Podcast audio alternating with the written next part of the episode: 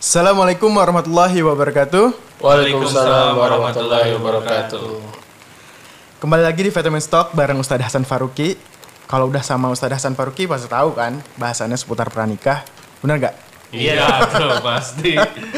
Alhamdulillah kalau terakhir kali kita tag podcast biasanya kan eh, lokasinya tuh di coffee shop atau di ruang terbuka gitu kan. Nah sekarang alhamdulillah kita bisa tapping di studio vitamin. Bener nggak? Iya, Alhamdulillah. Alhamdulillah. Alhamdulillah. alhamdulillah.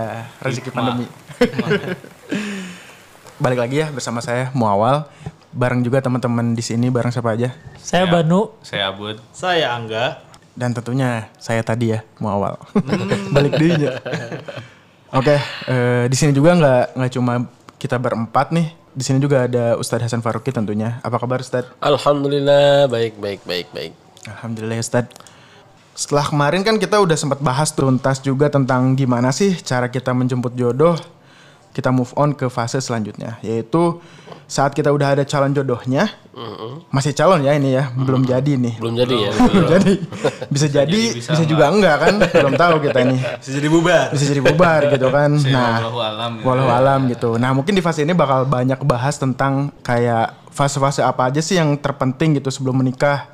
Nah, di situ juga kan tuh nanti teh bakal bareng sama calon pasangan kita nantinya terus bakal ngomongin tentang bagaimana tuh kayak milih nanti kayak konsep rumah bareng, terus kayak konsep, rumah, tangganya juga gitu ya, konsep rumah tangganya juga.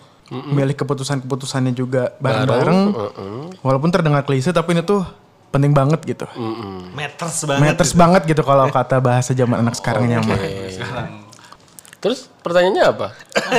Iya juga ya. Nah biasanya nih yang pertama bakal Jadi, jadi saya tinggal aminin aja ya. Amin gitu ya amin. Kan kemarin sempat sempat nanya di, di apa di, Kemarin udah Instagram sempat Instagram riset Vitamin ya. riset kecil-kecilan kecil. sih di stories tadi. Oh, gimana tuh? Nah, saya kan bikin stories, bikin question gitu. Saya nanya hal yang paling fundamental apa sih yang perlu didiskusikan sebelum menikah bersama calon pasangan. Nah, tapi ini stepnya yang udah mau nazor gitu ya, udah menentukan siapa calonnya gitu. Udah ada lah Udah ya. udah udah ada ada. calonnya udah ada. Nah, banyak yang Nador udah, nador udah. nazor Nazar udah. belum, Oh belum mau belum gitu. belum belum. Oh belum mau. ba- baru Oke. mau gitu. Tepek-pek ting lah Pak. Topik thing. Nah, ini tuh banyak yang jawab bahas tentang seputar visi misi pernikahan. Nah, ini tuh kita mau nanya sepenting apa sih visi misi pernikahan dan itu teh gimana kan sebagian orang nikah mah ya ada yang nikah we lah gitu. nggak ngerti visi misi teh apaan gitu. Mm ya. Oke, jadi terima kasih ya teman-teman vitamin, para kru nih Oh, dan sahabat vitamin yang selalu setia di eh, akun vitamin ya di podcast kita. Terima kasih. Kita sudah mulai lagi nih apa namanya diskusi bareng tentang seputar pranikah. Dan eh, pertanyaannya menurut saya rada beratnya itu tuh ya gitu ya. Padahal saya tuh udah biasa ngelangsingin gitu ya. Tapi dikasih pertanyaan berat tuh jadi berat-berat lagi gitu ya. ya, jadi teman-teman sekalian eh, itu tuh terkesan nggak penting ya begitu ya. Tapi kalau bicara visi misi ke sana tuh juga nurekin perusahaan gitu ya. Asa serius Masa gitu serius gitu ya. Malah tiba lagi ya dari semenjak sekolah kuliah paling sebagian orang paling malas kalau kalau visi misi hidup anda ah enggak soream gitu ya. Sebagian gitu ya. Ada sebagian lagi yang terlalu serius banget gitu ya. Sebetulnya visi misi atau tujuan hidup ya itu sangat penting banget ya. Penting banget itu jangankan rumah tangga. Jadi rumah tangga itu banyak masalah karena sebetulnya pribadi-pribadinya nggak selesai. Oh. gitu ya. jadi paham nggak maksudnya jadi ba- kebayang nggak kalau suami nggak punya visi istri nggak punya visi artinya dua-duanya nggak punya tujuan hidup terus bergabung Iya. Lola liar jeung lola liar kuat Jadi kalau bahasa Inggrisnya mah tepuk gujur Eh, gimana jadi gitu ya. kipa gujur gitu ya Iya, iya. makin makin makin ru- apa namanya makin rumit gitu ya Hmm. maka penting visi misi itu sejauh mana sih walaupun misalkan nggak mesti harus dinamakan visi misi tapi Hmm. setidaknya visi ini menggambarkan sesuatu anda kamu dengan aku teh kan mau rumah tangga nih. Hmm. kira-kira eh, apa sih yang ingin kita wujudkan bareng? Nah itulah lebih sederhananya kayak begitulah ya. Mungkin ya lebih sederhana. Dan ini harus diomongin memang harus diomongin di awal lah ya. Setidak-tidaknya apa namanya menikah itu bukan hanya menikah fisik kita ya bukan menikah hanya urusan eh, apa namanya fisik kita tapi juga menikah menikahkan visi kita gitu ya. Oke. Karena menikah ini kan eh, kita sepakat ya menikah itu ka- kan cari teman hidup. Ya, jadi teman hidup, teman hidup untuk mewujudkan visi hidup kita. Makanya nikah itu salah satu fase dalam kehidupan kita yang pasti kita lalui gitu ya. Ya. Apalagi kita ya muslim gitu ya. Pasti eh, apa namanya mau nggak mau seneng nggak seneng kita apalagi budaya Indonesia lah katakanlah ya yang apa namanya menjadikan pernikahan itu sakral ya selain memang tuntutan agama kan begitu ya kita jadi muslim akan nikah ini atau pernikahan ini sesuatu ibadah yang sakral. Nah penting banget visi misi ini. Yang pertama adalah eh, ini menurut menurut ini ya menurut eh, apa namanya ya pengalaman saya kemudian baca-baca gitu ya beberapa literatur. Satu membuat rencana hidup kita lebih terarah kan gitu ya. Karena kan rumah tangga itu kayak tim teman-teman. Kebayang nggak kalau kita punya tim terus eh, apa namanya nggak terarah anda jadi kapten kemudian ketika ditanya apalagi kepala rumah tangga ya kepala rumah kan kita kita laki-laki nih ya ini terutama teman-teman sahabat vitamin yang dengar sekarang ya, sebagai laki-laki nih. Nggak- kebayang nggak? Kita mau nggak kalau ada seorang pilot misalkan ditanya kita naik pesawatnya. Kemudian pilot kita mau apa namanya landing ya? Hmm. betul ya? Ya mulai landing. mau landing di mana nih? Pilotnya jawab nggak tahu. Labil. gimana coba? Ya gitu kan Ah, maka banyak masalah. Maka istri-istri yang galau sebetulnya perempuan-perempuan yang galau atau istri-istri yang galau biasanya itu salah satu penyebabnya adalah karena tidak jelas apa namanya eh, arah keluarga itu mau ke mana. Atau pribadi yang galau aja. Pribadi yang galau itu pribadi yang sebenarnya dia nggak jelas tujuannya mau ke mana gitu ya. Ya maka visi misi ini atau visi ini membuat kita hidup lebih terarah itu ya apa namanya goalsnya apa yang ingin kita wujudkan dalam berumah tangga begitu nah ini penting banget yang kedua adalah eh, mengharmoniskan perbedaan karena pasti kan di rumah tangga kita itu eh, apa namanya ada ada ada ada perbedaan ya teman-teman sekalian Iya. eh apa namanya gender udah jelas berbeda lah ya. Insya Allah lah ya, ya, gitu ya perempuan laki-laki. Eh apa namanya setiap eh, apa namanya eh fitrah Karakternya Kara, gitu. fi- fitrah laki-laki perempuan udah jelas beda ya. Struktur otak udah beda, cara nyelesain masalah udah beda. Kemudian juga eh, apa namanya eh, melihat eh, permasalahan cari solusi udah beda, kebutuhan verbal udah beda gitu kan. Kemudian juga ya jelas beda lah ya, gitu ya. Jadi apa namanya harus ada perekat-perekat yang bisa menyatukan perbedaan-perbedaan itu. Belum lagi misalkan karakter manusia yang berbeda-beda selain karakter gender gitu ya. Maka dengan apa? Salah satunya adalah dengan visi itu. Ya kita lihatlah satu perusahaan kayak perusahaan lah ya. Makanya eh, ilmu-ilmu manajerial sebetulnya mah penting banget kita kuasai untuk bisa kita wujudkan di apa namanya di di di di, di rumah tangga ya itu ya ke- seperti sebuah perusahaan sebuah tim kan semua bisa beda-beda eh, pegangan ya beda-beda divisi gitu ya. Tapi semua kerja karena ada satu visi yang ingin diwujudkan bareng ya. Untuk merekatkan perbedaan itu adalah visi, gitu ya. Yang ketiga nih ya eh, visi itu biasanya menghidupkan harapan. Hmm, gitu ya.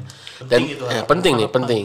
Karena harapan itu ini adalah sesuatu apa namanya yang membuat eh, kesabaran itu bisa banyak amunisi gitu ya. Amunisi kesabaran kita itu makin banyak. Jadi seberapa tinggi harapan, seberapa tinggi harapan sebanyak itulah amunisi kesabaran yang bisa kita dapatkan. Paham nggak teman-teman? Ya. Jadi seberapa tinggi harapan, sebe- sebanyak itulah amunisi kesabaran. Jadi kalau kita harapannya ting- eh, rendah, apalagi cuman mohon maaf ya, cuman apa namanya bisa mendapatkan kebahagiaan di dunia yang itu bisa datang dan pergi ya, cepat datang cepat pergi juga gitu ya. Ya amunisi kesabarannya sedikit banget gitu ya. Ya pasti seetik gitunya ya kalau kita punya harapannya rendah gitu ya. Punya harapannya rendah. Makanya eh, harapannya tinggi amunisi kesabarannya makin banyak. Apalagi teman-teman rumah tangga itu kan nafasnya panjang. Semua ada tingkatannya ya ada apa namanya ada tingkatan dalam berumah tangga. Dari mulai romantic love gitu ya itu tingkatan pertama sih.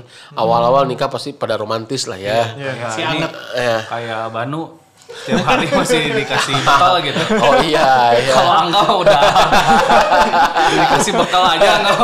Angga mah ini cari sendiri. Ini padang sendiri ya. Ya, Kadang sendiri. karena Kalau kalau Banu tidak memiliki free will untuk memilih menu di luar. ya, begitu ya. Begitu begitu ya. Itu romantis apa itu teh? Romantic love itu masih cintanya love. romantis Oh, iya. ya. Kalau dibekelin tuh maki masih gitu ya itu ya. Platingnya tuh masih rapih. Ya. Kalau nanti mungkin udah Angga Ah, masih bungkus ya. sih kan yang Kata keluar gitu aja sih. Cintanya cintanya bukan berkurang, Ahi. Apa? Kalau rumah tangga itu makin lama, cintanya bukan berkurang. Tapi wujud cintanya berbeda. Oh iya. Eh, serius. Eh, serius. Serius. Kayak menganggap misalkan, udah punya anak tiga misalkan, kok nggak dikasih bekal? Masalahnya bukan kurang cinta. Ya, tapi cintanya sudah berkembang kepada anak gitu ya. Kemudian juga kepada hal-hal yang lain gitu. Jadi kalau saya ngebayangin begini, cinta itu bukan seperti kue yang dibagi-bagi. Jadi kalau dibagi-bagi berkurang, bagi-bagi berkurang. Tapi cinta itu kayak sel, makin dipotong-potong makin berkembang.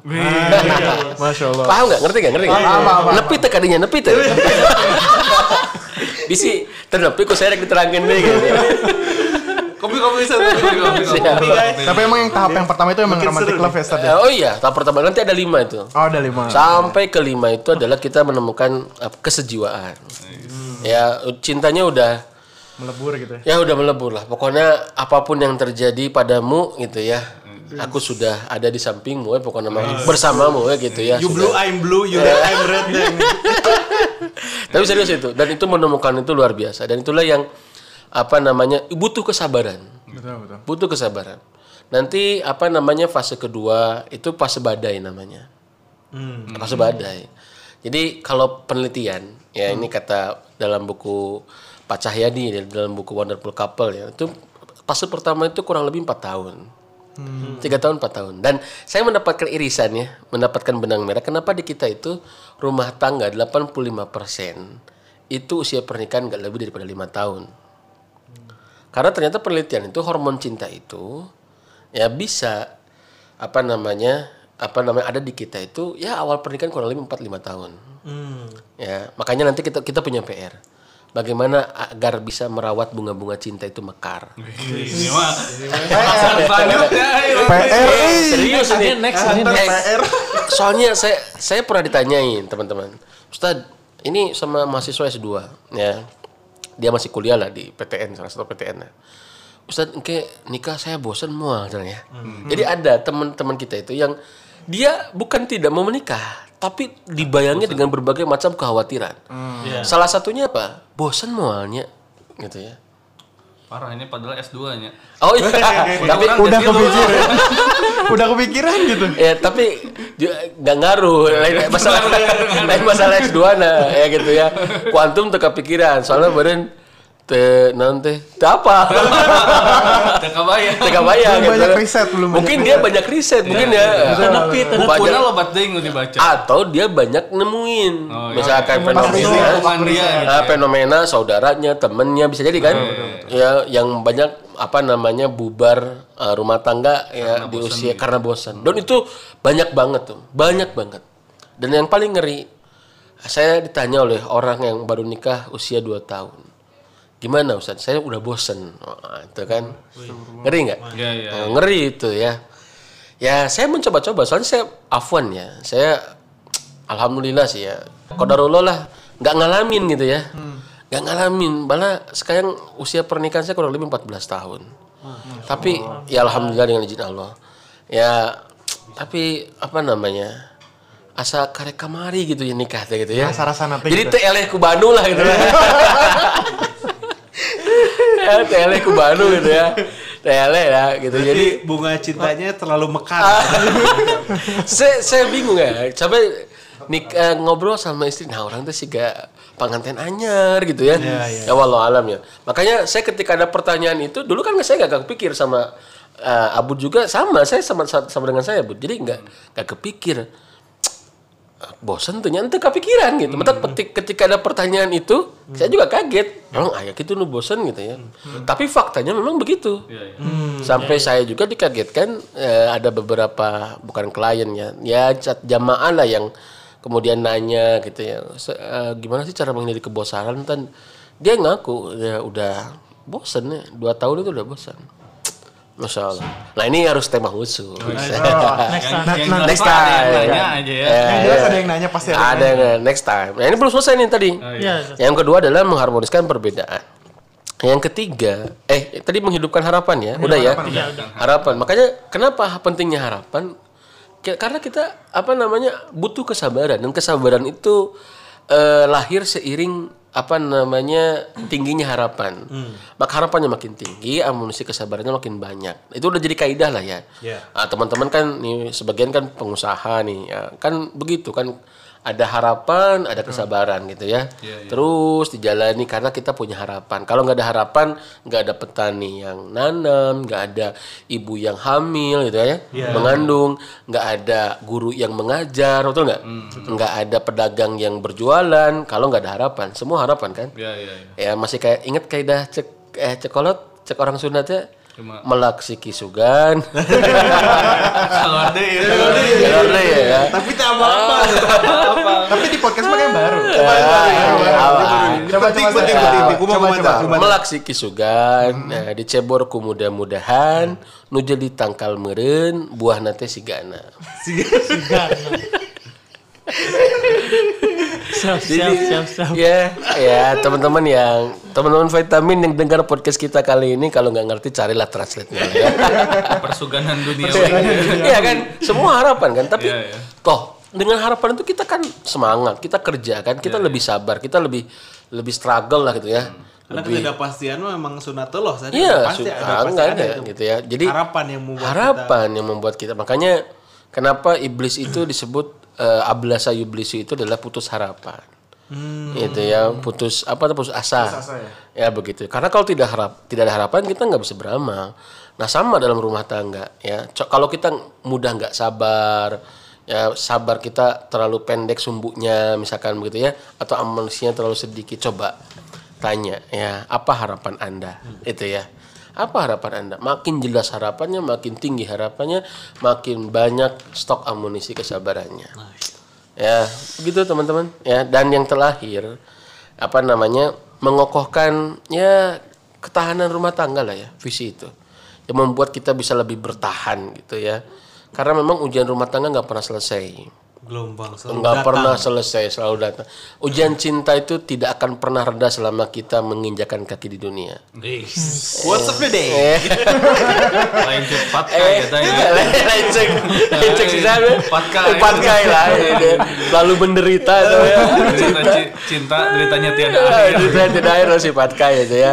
Jadi sebetulnya apa teman-teman sekalian eh, apa eh, kenapa kita butuh ini? Karena memang ujiannya nggak pernah reda, nggak nggak pernah selesai. Tapi teman-teman harus paham, walau alamnya ujian bisa beda-beda, tapi prinsip ujian sama, prinsip menghadapinya sama. Betul, betul. Ya, mas sama teman-teman. Ya, nanti kita diuji dengan apa namanya dengan uh, ah, dengan berbagai macam lah ya.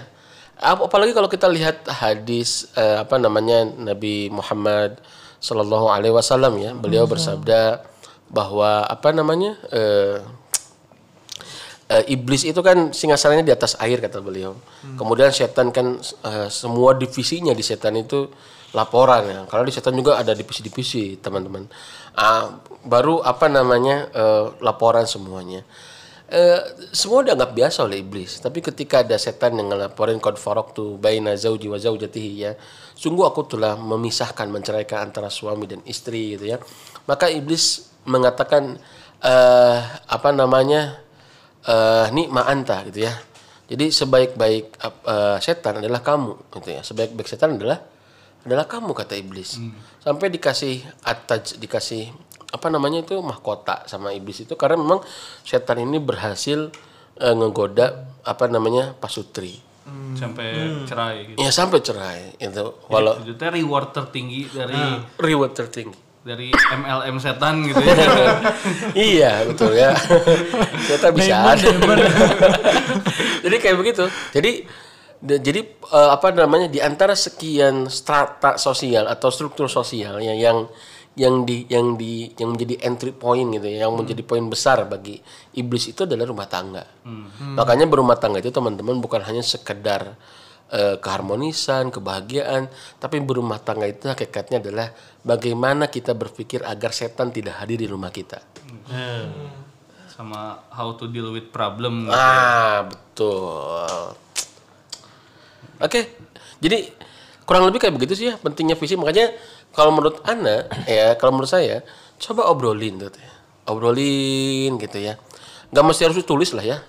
Tapi kalau ditulis bagus juga, karena ada orang yang tidak biasa apa namanya ngobrol gitu ya. Tapi coba aja diobrolin gitu ya. Makanya kalau saya sih, ya kalau taaruf cuman tukar apa namanya? tukar CV lalu itu jadi salah satu poin yang satu-satunya poin yang memutuskan apakah kita lanjut atau enggak misalkannya untuk ke jenjang pernikahan terlalu dini menurut saya. Jadi kalau menurut saya mah eh, apa namanya gini Gimana, gimana, kalau- Ini Ini kita harus keluar dulu atau gimana ya kalau CV mah pengantar mah ya. Betul, betul, Yang awal ya, jadi pengantar aja. Sepakat, ya. Sepakat. Pengantar oh, oh oh kurang lebih kayak begini. Tapi juga jangan terlalu kaget juga lah kalau itu tidak sesuai. Ah, kemudian kita datangi aja coba. Datangi. Datangi lah nggak fangdur ilaiha kan gitu kan kata Nabi. Lihat ya kata Nabi ke Mughirah bin Syubah kan begitu Nabi. Lihat, datang aja lihat ngobrol. Itu ya ngobrol tentu ada mahromnya ya maksudnya ya. Coba bangun komunikasi gimana dia teh ma- apa namanya berpikirnya gitu ya, harapannya seperti apa. Nah, itu ditanya. Ya, ngobrolnya kayak gimana gitu ya. Eh, jadi kita tahu oh ternyata dia harapannya pengen begini dan begitu begitu ya. Eh, bahkan mungkin bisa jadi secara teknis. Ada juga yang ngobrol nanti kalau aku udah menikah misalkan eh, aku pinginnya kerja misalkan ya kata si ceweknya gitu ya sama si ahwatnya. Nah mungkin nah itu kan pilihan kita kan begitu ya. Eh, silakan gitu kan. Ulah jangan berpikir ya nantilah udah nikah baru terus yang ini mah diobrolin misalkan. Kalau hal-hal itu menurut menurut menurut menurut pasangan kita eh sorry calon pasangan kita itu adalah pe- penting ya diobrolin itu maksudnya. Kayak begitulah kurang lebih lah teman-teman. Jadi diobrolin ya sama calon gitu ya visi. Dan banyak juga rumah tangga teman-teman rumah tangga yang nggak punya visi. Banyak juga. Akhirnya apa? Banyak yang apa namanya kalam karam apa namanya kapal rumah tangganya itu ya karam lah ya sebelum sampai ke tujuan gitu ya gara-gara nggak punya visi akhirnya ya ngalir begitu saja. Oh. jadi keliru juga kalau kita Eh, gitu. Jadi iya, so kayak ki- apa visi misi? Ah Kalau gue gitu. kalem gitu weh mengalir weh apa adanya lah gitu lah ya. Eh, mengalir apa adanya saya sepakat tapi masalahnya alirannya siapa yang buat? Iya. paham nggak? ya jadi oke lah kita jalan apa adanya tapi jalannya itu ke mana? Siapa yang buat? Gitu kan? Ah kita tracknya itu kita karena setan nggak pernah berhenti teman-teman ya Tetap harus ditentukan dan komunikasi itu jadi faktor yang penting ya. Uh, ih, jelas banget. Makanya Muhammad Fauzil Adim itu dalam buku agar apa namanya cinta bersemi indah itu tentang merawat cinta. Ujung-ujungnya bab komunikasi semuanya. Nah ini tentu kita harus bahas khusus nanti Khusus di. nanti. Ada lagi nih khusus ya. Ah iya, selanjutnya banyak PR kita ya. Aduh, banyak PR kan. Subhanallah. Jadi eh, komunikasi lagi, musyawarahkan lagi gitu ya. Oke, begitu teman-teman. Lanjut lagi nih, Stad. Yo. Kayak eh, tadi kan udah ngebahas tentang visi misi nih. Terus kalau ngomongin sekarang nih ngomongin tentang finansial. Harus sejauh apa sih kita ngebahas finansial sebelum menikah? Kayak misalkan apakah kita harus saling tahu gitu? Misalkan eh, suami istri tuh kerja gitu. Apakah harus ngasih tahu tentang Calon berapa- suami. Eh, calon suami. Calon sorry, istri. sorry. Belum jadi. oh iya, Ya, iya, ngebayanginnya udah jauh-jauh banget ini. Apaan, apaan? Terlalu baper tuh. Terbawa. Terbawa suasana. Terbawa Nah itu suasana. apakah harus kita saling saling sharing gitu berapa gajinya terus kayak Hmm. bahasnya tuh sebelum atau sesudah nikah gitu. Sama sedetail apa soalnya kadang-kadang yang hal yang kayak begitu disebut hal yang eh, apa namanya? sensitif gitu. Nah, Jadi itu. tabu untuk tabu dibicarakan. gitu untuk diba- tahu dibahas juga gitu ya. Kadang-kadang mungkin itu penting kali ya. Ini juga ada istri yang nggak tahu gaji suaminya teh berapa sebenarnya Hmm. gitu. Oke. Gitu. Ya kayak sebetulnya sebetulnya kayak perusahaan aja ya ya. Eh, maksudnya adalah perencanaan keuangan itu penting. Jadi jangan sering sekali kita tabu untuk membicarakan hal itu. Tetapi sebetulnya nanti di rumah tangga itu kita banyak ngobrolin tentang itu. Betul. Itu tidak bisa dihindari. Iya Dihindari juga berarti ya? Ya sapopo teh duit dewe, duit deh gitu ya. Pasti Dewe mali. miti urusan bensin nepi ka dahar ongkos budak gitu ya. Nah, Apalagi bayar kontrakan atau cicilan rumah dan lain sebagainya gitu ya. Nah, itu kan sehari-hari pasti kita ngomongin duit padahal banyak di antara kita tabu ngomongin duit sebelum nikah gitu ya. Nah, menurut Anda sih, menurut saya sih sebetulnya eh, bagus juga diobrolin gitu ya. Eh, apa namanya ada keterbukaan gitu ya, perencanaan. Jadi masuknya ke perencanaan keuangan. Maksudnya perencanaan Nah, keuangan. masuknya ke perencanaan keuangan nanti misalkan keterbukaan penghasilan beban hidup misalkan ya Eh, maksudnya misalkan beban kita teh harian teh apa aja gitu maksudnya teh beban harian kita teh pengeluaran teh apa aja gitu ya jadi eh, sehingga calon istri kita tahu gitu atau calon suami kita juga tahu gitu ya Eh, bisa memperkirakan atau mem- merencanakan ulang kembali perencanaan bareng-bareng ya, yang terkait dengan finansial. Tetapi juga apa namanya itu dikembalikan lagi kepada kesiapan eh, calon ya. Kadangkala ada yang ya pokoknya ada sebagian calon yang mungkin hal itu nggak prinsipil misalkan begitu ya. Pokoknya ya Bismillah aja lah gitu ya bareng-bareng ngebangun rumah tangga. Ada yang kayak begitu juga kan ya. Yang nganggur semuanya gitu. Ya, apa namanya? Bahkan ada yang nikah lagi nganggur kan juga ada kan? Iya. Iya kan gitu kan. Ada nikah, masih ada. sekolah juga ada. Nah, ada masih kuliah juga ada kan. Kayak saya kan dulu KKN kan. Kuliah kerja nikah. Kalian kok Jalan.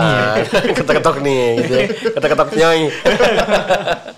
ya dulu saya juga kerja ya kerja ya kuliah ya nikah gitu kan. Waktu itu masih semester 3 lah ya kuliah. Nah, tapi alhamdulillah masih hidup sampai sekarang. ya, hidup makin makin berkembang gitu ya. Bukan makin berkah, makin bekah gitu ya. Berkembang badannya gitu. Jadi Kembang lebar. eh lebar ya. Jadi alhamdulillah nah eh, dengan izin Allah. Nah, tapi dulu ya saya juga terbuka. Saya bilang ya kuliah saya saya masih subsidi. Saya bilang kerja saya begini begini begini. Saya dulu masih ngajar gitu ya di apa namanya di lembaga pendidikan. Jadi ya dia terbuka. Ya kalau mau oke, is oke kalau enggak ya hak dia kan untuk untuk untuk untuk nolak gitu ya. Oh, kayaknya aku enggak eh kalau kalau calon suami aku kayak begini misalkan enggak ya Punya harapan yang lebih tinggi. Wah iya, wah ya. Nah, mending kena papaitan di awal gitu Iya, ya. Nah, benar. Iya, iya, Daripada iya, papaitan di awal. Quotes gitu. of the day. Apa itu di awal? Papaitan di awal. Mending papaitan di awal. Jadi kita tahu gitu ya.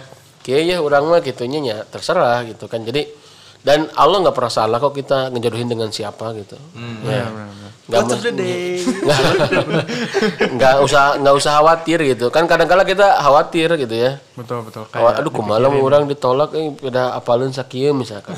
Dan gak semuanya juga apa namanya Standarnya harus standarnya harus dan de- banyaklah hal-hal yang tidak sesuai ekspektasi kita sebetulnya gitu ya. Wah, disangkana kieu ternyata enggak, disangkana kieu ternyata enggak. Jadi menurut saya ya terbuka kalau itu dibutuhkan misalkannya nggak mesti harus diada-adain atau ya apa namanya kita mengalami banyak masalah nanti udah menikah gara-gara Hal yang itu, ah, Hal itu hal jadi itu, muncul gitu. ya. jadi wajar-wajar saja dan uh, kita juga kalau jadi laki-laki calon suami misalkan ditanya ya, nggak usah nggak usah punya pandangan Ih, ini cewek matre banget nih nanyain, nanyain gaji gua gitu ya. Nah, enggak lah ya. Ya hal yang wajar gitu ya. Eh, kita sampaikan hal yang wajar itu ya. Eh, tetapi kita bisa menilai gitu kan nanti dia nikahin kita gara-gara eh, gara-gara nilai eh, akhlak kita atau nominal gaji kita gitu ya. Bahkan kalau dibahas lebih awal jadi bisa ngitung pengeluaran kira-kira apa yang harus dikurangi Ah, sebetulnya bisa jadi lebih strategis ya. Oh, eh, betul gitu. Atau ceweknya juga sama gitu kan ya kalau dia punya kerjaan. Gitu. Eh menurut saya ya penting sih ngobrol. Iya sih. Benar Nah, kan ternyata gaji kita teh tidak bisa membayar skincare-nya gitu. Ya, Karena kan kan jadi iya. Atau misalkan eh, kita tahu misalkan eh, kita sebagai cewek misalkan tahu ca- calon suami kita pengeluarannya misalkan eh, apa namanya sekian UMR. juta misalkan ya. ya. Ternyata pengeluaran mancingnya juga Iya. Sekian Hobi sepeda. Oh, punya sepedanya juga. kan gitu. Aduh, Ya, Jadi ya diobrolkan gitu tante gitu ya. Gitu ya. Ma- paling nanti calon ceweknya nanya, jadi kamu teh milih aku milih sepeda gitu. milih aku atau milih pancingan gitu ya. Tidur aja sepeda. Musep. Tapi jadi aku kembali ke kaidah awal mending papahitan ti Betul, Ya, papaitan. betul. Jadi sebenarnya bisa jadi kayak finance financial planning lah, jadi Iya, ada planning lah. Betul. betul. Betul. Walaupun ya tentu ya diseder- disesuaikan dengan diadaptasikan dengan kebutuhan Betul, betul, betul. kemudian kultur kita gitu ya. Semuanya bisa diobrolin gitu ya. Diskusiin gitu ya. Iya betul betul betul. Tuh, ini ada hujan nih. Biar sendu. Biar sendu lah nggak apa-apa lah. Ya oke. Gimana gimana? Nah. Ngerti nggak yang barusan? Bayang, Ngerti. bayang. Ah. Bayang lah, bayang lah ya. Terus Tat, kalau misalkan tentang istilah sukufu gitu. Sukufu tuh dalam hal apa sih? Maksudnya apakah dari sukufu dalam lingkungan, permainan, atau pendidikan, strata sosial, atau keluarga gitu. Terus kenapa sih kadang hal itu tuh harus diperhatikan gitu. Terus dampaknya ke mana gitu setelah menikah tuh apa gitu. Ya sekupu itu sebetulnya bukan satu hal yang wajib lah ya. Tapi untuk mengoptimalkan eh, apa namanya itu mengoptimalkan eh, keharmonisan rumah tangga apa namanya maka eh, sekufu gitu ya itu dianjurkan. Nah para ulama mengatakan bahwa sekufu itu adalah eh, ini apa namanya itu eh, dalam urusan agama bukan dalam urusan harta serta pendidikan atau serta sosial gitu ya. Walaupun tidak dipungkiri juga sekufu dalam hal-hal itu pun apa namanya sangat dibolehkan. Misalkan sekufu dari serta pendidikan misalkan. Lah aku minimal calon pasanganku minimal eh, S1 atau S2 nah itu sah-sah saja boleh gitu ya. Eh, tinggal ya nunggu mungkin takdirnya dari Allah kayak begitu gitu ya yang sesuai dengan apa yang kita inginkan. Atau misalkan dari se- segi strata sosial misalkan. Minimal ya aku harus kufu dengan eh, calon mertuaku yang misalkan profesinya itu dan ini ya. Hmm. sah boleh boleh sah saja. Tapi ingat bahwa itu bukan faktor determinan ya faktor penentu bahwa oh kalau skufu bahagia enggak. Balik lagi nanti kita lihat kok ah, sama-sama artis banyak cerai. Iya, iya. ya. sama-sama satu profesi banyak cerai. Ya artinya bahwa sekufu di sana yang paling utama adalah sama-sama memahami agama. Dan saya sepakat dengan itu ya. Kan kita lihat kalau misalkan posisi Nabi Muhammad dengan Khadijah gitu ya kadang kan berbeda ya betul. Misalkan tuh dengan istri-istrinya yang lain kan gitu kan Eh, ada ada ada hal yang secara strata sosial bisa jadi nggak sekufu gitu. Tetapi ya banyak banyak apa namanya eh, saya saya bilang nggak satu-satunya faktor det- bukan satu-satunya faktor determinan lah penentu rumah tangga bisa langgeng bisa harmonis dengan sekufu enggak ya.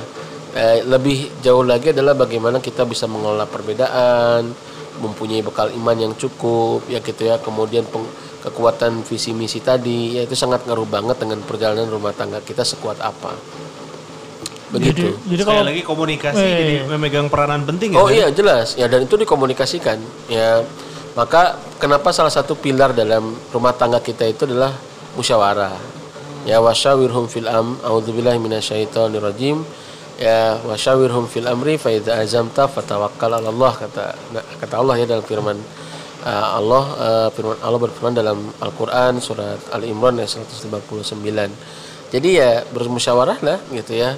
Karena dengan musyawarah itu dalam riwayat Tabrani eh, dikatakan tidak akan rugi orang yang bermusyawarah tidak akan menyesal orang yang istihoro gitu ya.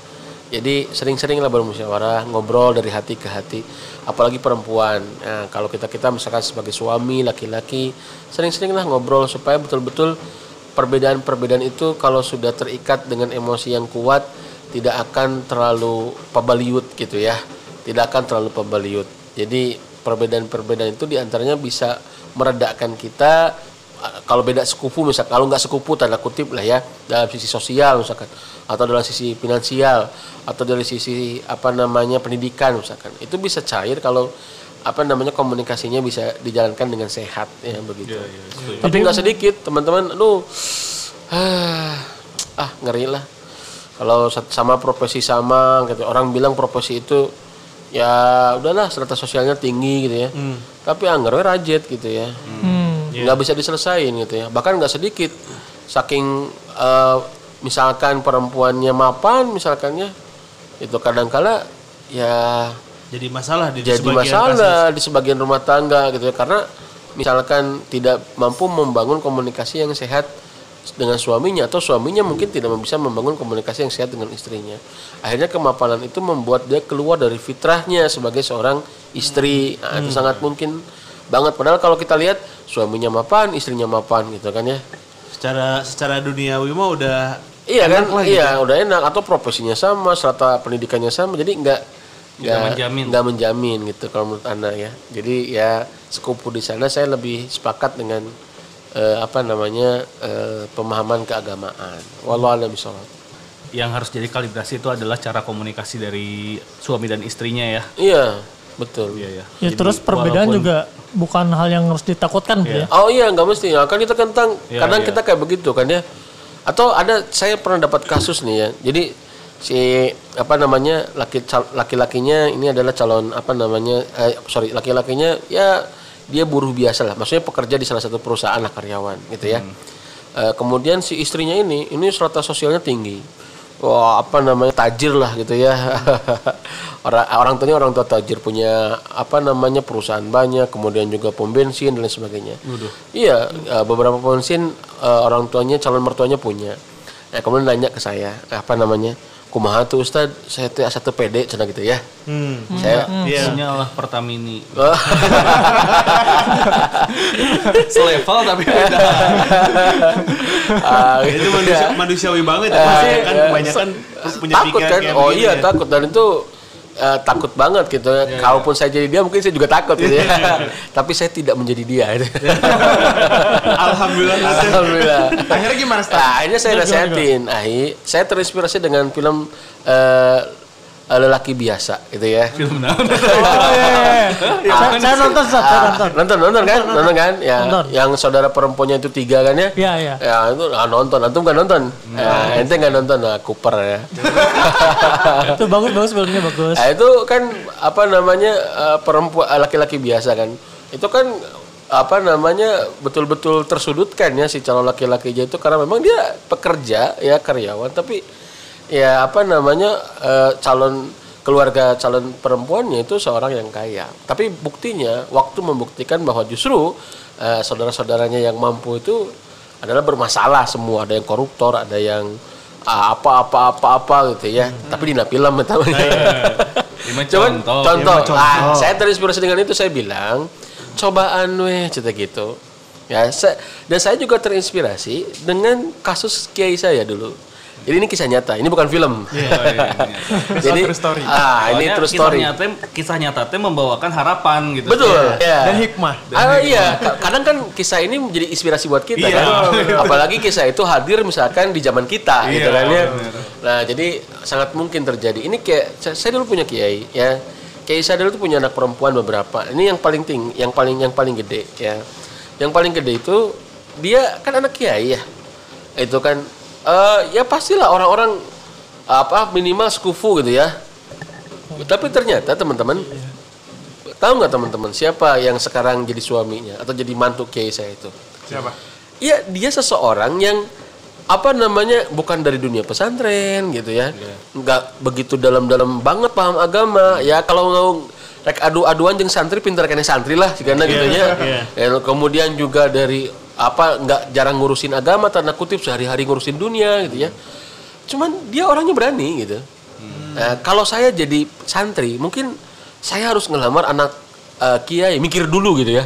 Ah, mikir dulu gitu ya. Ya, Tapi dia dengan segala keberaniannya, ya apa namanya datang ke pesantren, kemudian hanya kenal dari a- tem- teman adiknya gitu ya, teman kuliah adiknya, kemudian datang ke apa namanya ke kiai, cuman ngomong dan ternyata, masya Allah ya.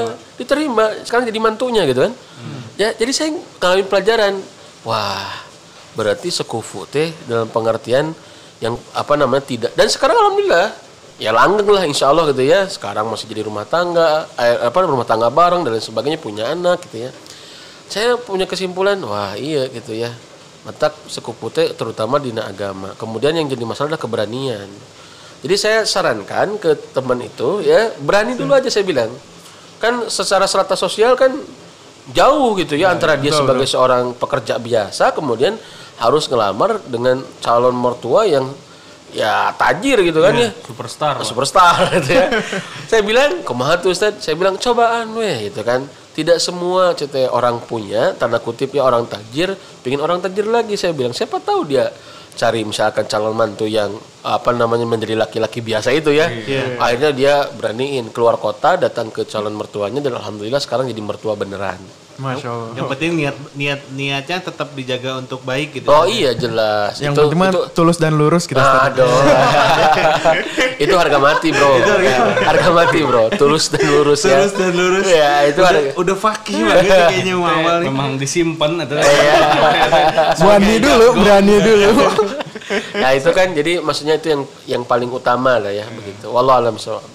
ada urusan sama takdir juga ya Start ya jod- Oh, iya? jodohnya. Soalnya saya juga pernah dengar juga kisah yang bukan yang kayak gitu tapi kayak Ustadz juga seorang lelaki ya ya dia guru ngaji sih tapi bukan yang Expert. bukan dari kelas anak kiai dan lain-lain. Hmm. Dia datang ke ngelamar anak kiai tapi justru malah diterima gitu. Eh. Padahal dia tuh punya track record udah beberapa kali lah ngelamar ke orang lain tapi ditolak terus. Hmm. Tapi takdir terakhirnya dia justru dapat yang anak kiai gitu. Eh, masya Allah. Kan 1 sampai 7 tuh mungkin dipapai anak kiai Iya, gitu iya, mungkin betul, kan. betul, ya. Tapi kan takdir mah ya udah yang terakhir dia ngelamar ternyata masih terimanya sama yang ini gitu. Wih, masya Allah. Masya Allah gitu kan. Ya, maka kalau udah punya kerja, tampan udah punya ya, terus gak berani ngelamar calon, eh mubadir. Mubazir. Kurang wani. maka saya sarankan keberanian. Berani aja tuh, kumaha Ustaz, lamun ditolak, ditolak mah biasa. Justru aneh mah lamun diterima. Bener juga. Aneh lah menurut. Padahal pertanyaannya kayak mau diterima kok masih Dibalik, tanya terbalik. stres kan diterima orang mikirnya kumang. ya, udah gitu lah. Subhanallah lah ya. Oke. Masih ada teman-teman? Nah, Ustaz, kalau yang ngobrolin tadi, eh, Ustaz sempat ngobrol juga tentang masalah keluarga gitu. Sebetulnya apa sih Ustaz yang harus diperhatikan dan cara mengkomunikasikan terhadap keluarga gitu? Eh, keluarga kedua belah pihak, bahkan eh, sampai juga di beberapa kasus, misalnya di teman-teman yang misalnya eh, sudah ada sudah menentukan walimah misalnya. Terus ternyata pada saat eh, hal itu terjadi, konsepnya berbeda dengan apa yang ada di bayangan orang tua. Bahkan ada yang sampai ribut gitu, Ya. sampai nggak jadi nikah gitu. Eh, ya pernah denger aja cerita kayak gitu. Oke. Sebetulnya cara mengkomunikasikan apa yang menjadi visi kita dengan ketersesuaian eh, rencana orang tua itu gimana Ustaz? Ya, balik lagi tadi ngobrol. Ya. Jadi apa yang diinginkan oleh orang tua, harapan orang tua. Jadi begini ya, kalau saya lihat kan eh, apa namanya eh ini kan acara walaupun sebetulnya yang punya apa namanya Punya hajat punya hajat itu kan sebetulnya calon eh sorry apa namanya mempelai Mempelai perempuan. Perempuan. perempuan karena dinikahin anaknya kan Iya, gitu betul. kan ya Eh, tapi bukan berarti kita sebagai apa namanya eh, keluarga laki-laki gitu ya kemudian kita nggak punya apa namanya nggak punya eh, keinginan atau harapan toh ini hajat bareng juga nah menurut saya mah eh, diobrolkan lagi gitu ya diobrolkan hara- harapan dari kita seperti apa. Nanti kalau ada permasalahan dimusyawarahkan coba cari solusinya bareng misalkan. Dan kalau yang tidak prinsipil saya bilang ya saya rasa nggak terlalu banyak diobrolin lah. Cek kasarna mah orang lo bangelehan weh gitu ya kalau nggak terlalu Kalau prinsipil. terprinsip ya. Begitu. Penting Jadi- jadi heula gitu. Ya, gitu kan. Jadi begini, jangan sampai justru yang utamanya itu atau yang wajibnya itu banyak terhalangi oleh perkara-perkara yang tidak wajib sebetulnya. Itu ya. Jadi kudu kudu milah-milah ya urgent tuh masalah itu dibahas gitu ya. prinsipil nggak? Prinsipil enggak gitu. Nepi ka ribut ya masalah tempat nikah misalkan begitu ya. Kan ya itu boleh diobrolin tapi nggak terlalu prinsipil gitu ya.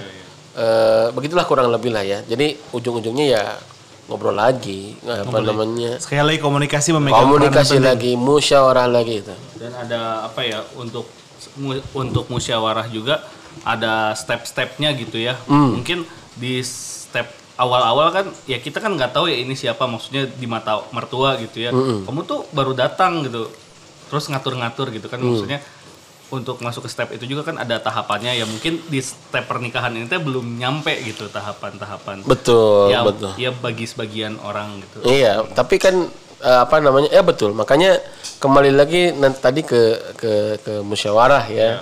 Ngobrol eh, menyampaikan. Saya dulu pernah eh, apa namanya? eh, ya, ngurusin adik misalkan ya, ngurusin adik.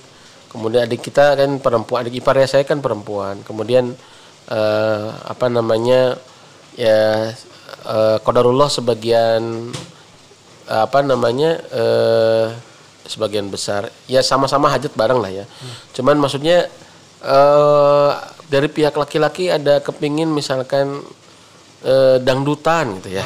Dangdutan ya, ya ke- saya bilang ya kultur kita nggak ada gitu ya di keluarga. Kemudian juga kurang banyak faidahnya gitu ya. Walaupun yang bayar mereka gitu ya. Ya kita sampaikan apa kita datang gitu kan eh, kita sampaikan baik-baik ngomongnya gitu ya. Eh, berani ngomong gitu ya. Ya alhamdulillah gitu ya. Disampaikan alhamdulillah. Mereka nerima gitu ya. Jadi tidak ada. Nggak ada alhamdulillah gitu ya. Nggak ada. Kebayang lah namun saya kudu dangdutan gitu ya. Ngebayangkeun. kebayangkan aja ya saja kebayangkan aja. Am- ampun tuh. eh, subhanallah ya gitulah kurang lebih lah walau alam bisawab Waduh. Ya, mungkin itu jadi pertanyaan terakhir juga Mas Banu ya, teman-teman ya. oke Masya Allah, jadi kalau kalau sedikit disimpulkan, ini bisa jadi yang visi misi yang tadi diobrolin di awal tuh jadi sebuah hal yang penting. Karena dengan visi misi yang jelas tuh kita jadi punya gambaran luas. Kita akan dibawa ke arah mana si pernikahannya dan juga kita juga bisa mengukur hal-hal mana yang eh, bisa kita toleransikan dengan yang lain gitu. Karena kalau dilihat dari obrolan tadi dari tentang masalah eh, pendekatan ngobrol sama keluarga hal ini sebetulnya tidak ada yang menjadi sebuah kepastian asal niat tulus dan lurus tadi bisa dijaga. Tulus dan dan komunikasi. Komunikasi yang baik insya Allah mungkin semuanya bisa bisa diselesaikan dengan, Dengan baik. Dan kalau dipikir-pikir mah ini teh jadi kayak seni ya. Oh iya. Seni dalam eh, Berhubungan, menjalankan menjalankan visi misi tapi juga meng eh, apa ya mengakomodir semua pihak gitu. Hmm. supaya semuanya bahagia. Oh iya, Eh, makanya di situlah pentingnya kita memiliki seni komunikasi ya. Jadi ah penting banget lah ya. Kalau saya udah ngomongin komunikasi itu gimana ya? Makanya ada eh, Syekh Solih Al Munajid itu nulis sebuah buku khusus ya tentang komunikasi Nabi Muhammad Sallallahu Alaihi Wasallam gitu ya. Jadi Nabi itu luar biasa komunikasi dengan musuhnya, komunikasi dengan anak-anak, komunikasi dengan istri, komunikasi dengan strata sosial tertentu. Nabi itu bisa nempetin gitu ya. Ya itulah kemujizatan Nabi mungkin ya. Iya. Ya kalau orang kan eh pukul rata we kabeh gitu ya. ngobrol jeung budak gitu. kieu, ngobrol jeung pagawe kieu gitu ya, ngobrol jeung mitoha kieu gitu ya, ngobrol. jeung ustad kieu. culangung Jadi ya mungkin ah masya Allah lah ya. Jadi saya melihat seni komunikasi ini seni luar biasa dan dan di teori-teori manajemen pun demikian lah ya. Jadi eh, komunikasi itu apa namanya eh, mengikat emosi dan bisa mengendali ya. Jadi luar biasa. caranya komunikasi gimana Yo saksikan di episode berikutnya Vitamin Talk. Bersama Angga JK Sang Sarjana Komunikasi. Oh asli. Oh, itu panjangannya itu ya. Oh itu Kul- sarjana kuliah di jurusan komunikasi tapi itu jadi sarjana Ah, Masya Allah. Atur Berarti nanti antum yang ngasih materinya, insya Allahnya insya Allah insya Insya Allah Allah nanti sama Angga ngan mau disiarkan. Siap siap siap. Makasih teman-teman. Bismillah, nuhun Ustaz atas waktunya. Teman-teman juga nuhun. Kita ketemu lagi di Vitamin Stock edisi berikutnya. Assalamualaikum warahmatullahi wabarakatuh. Waalaikumsalam warahmatullahi wabarakatuh.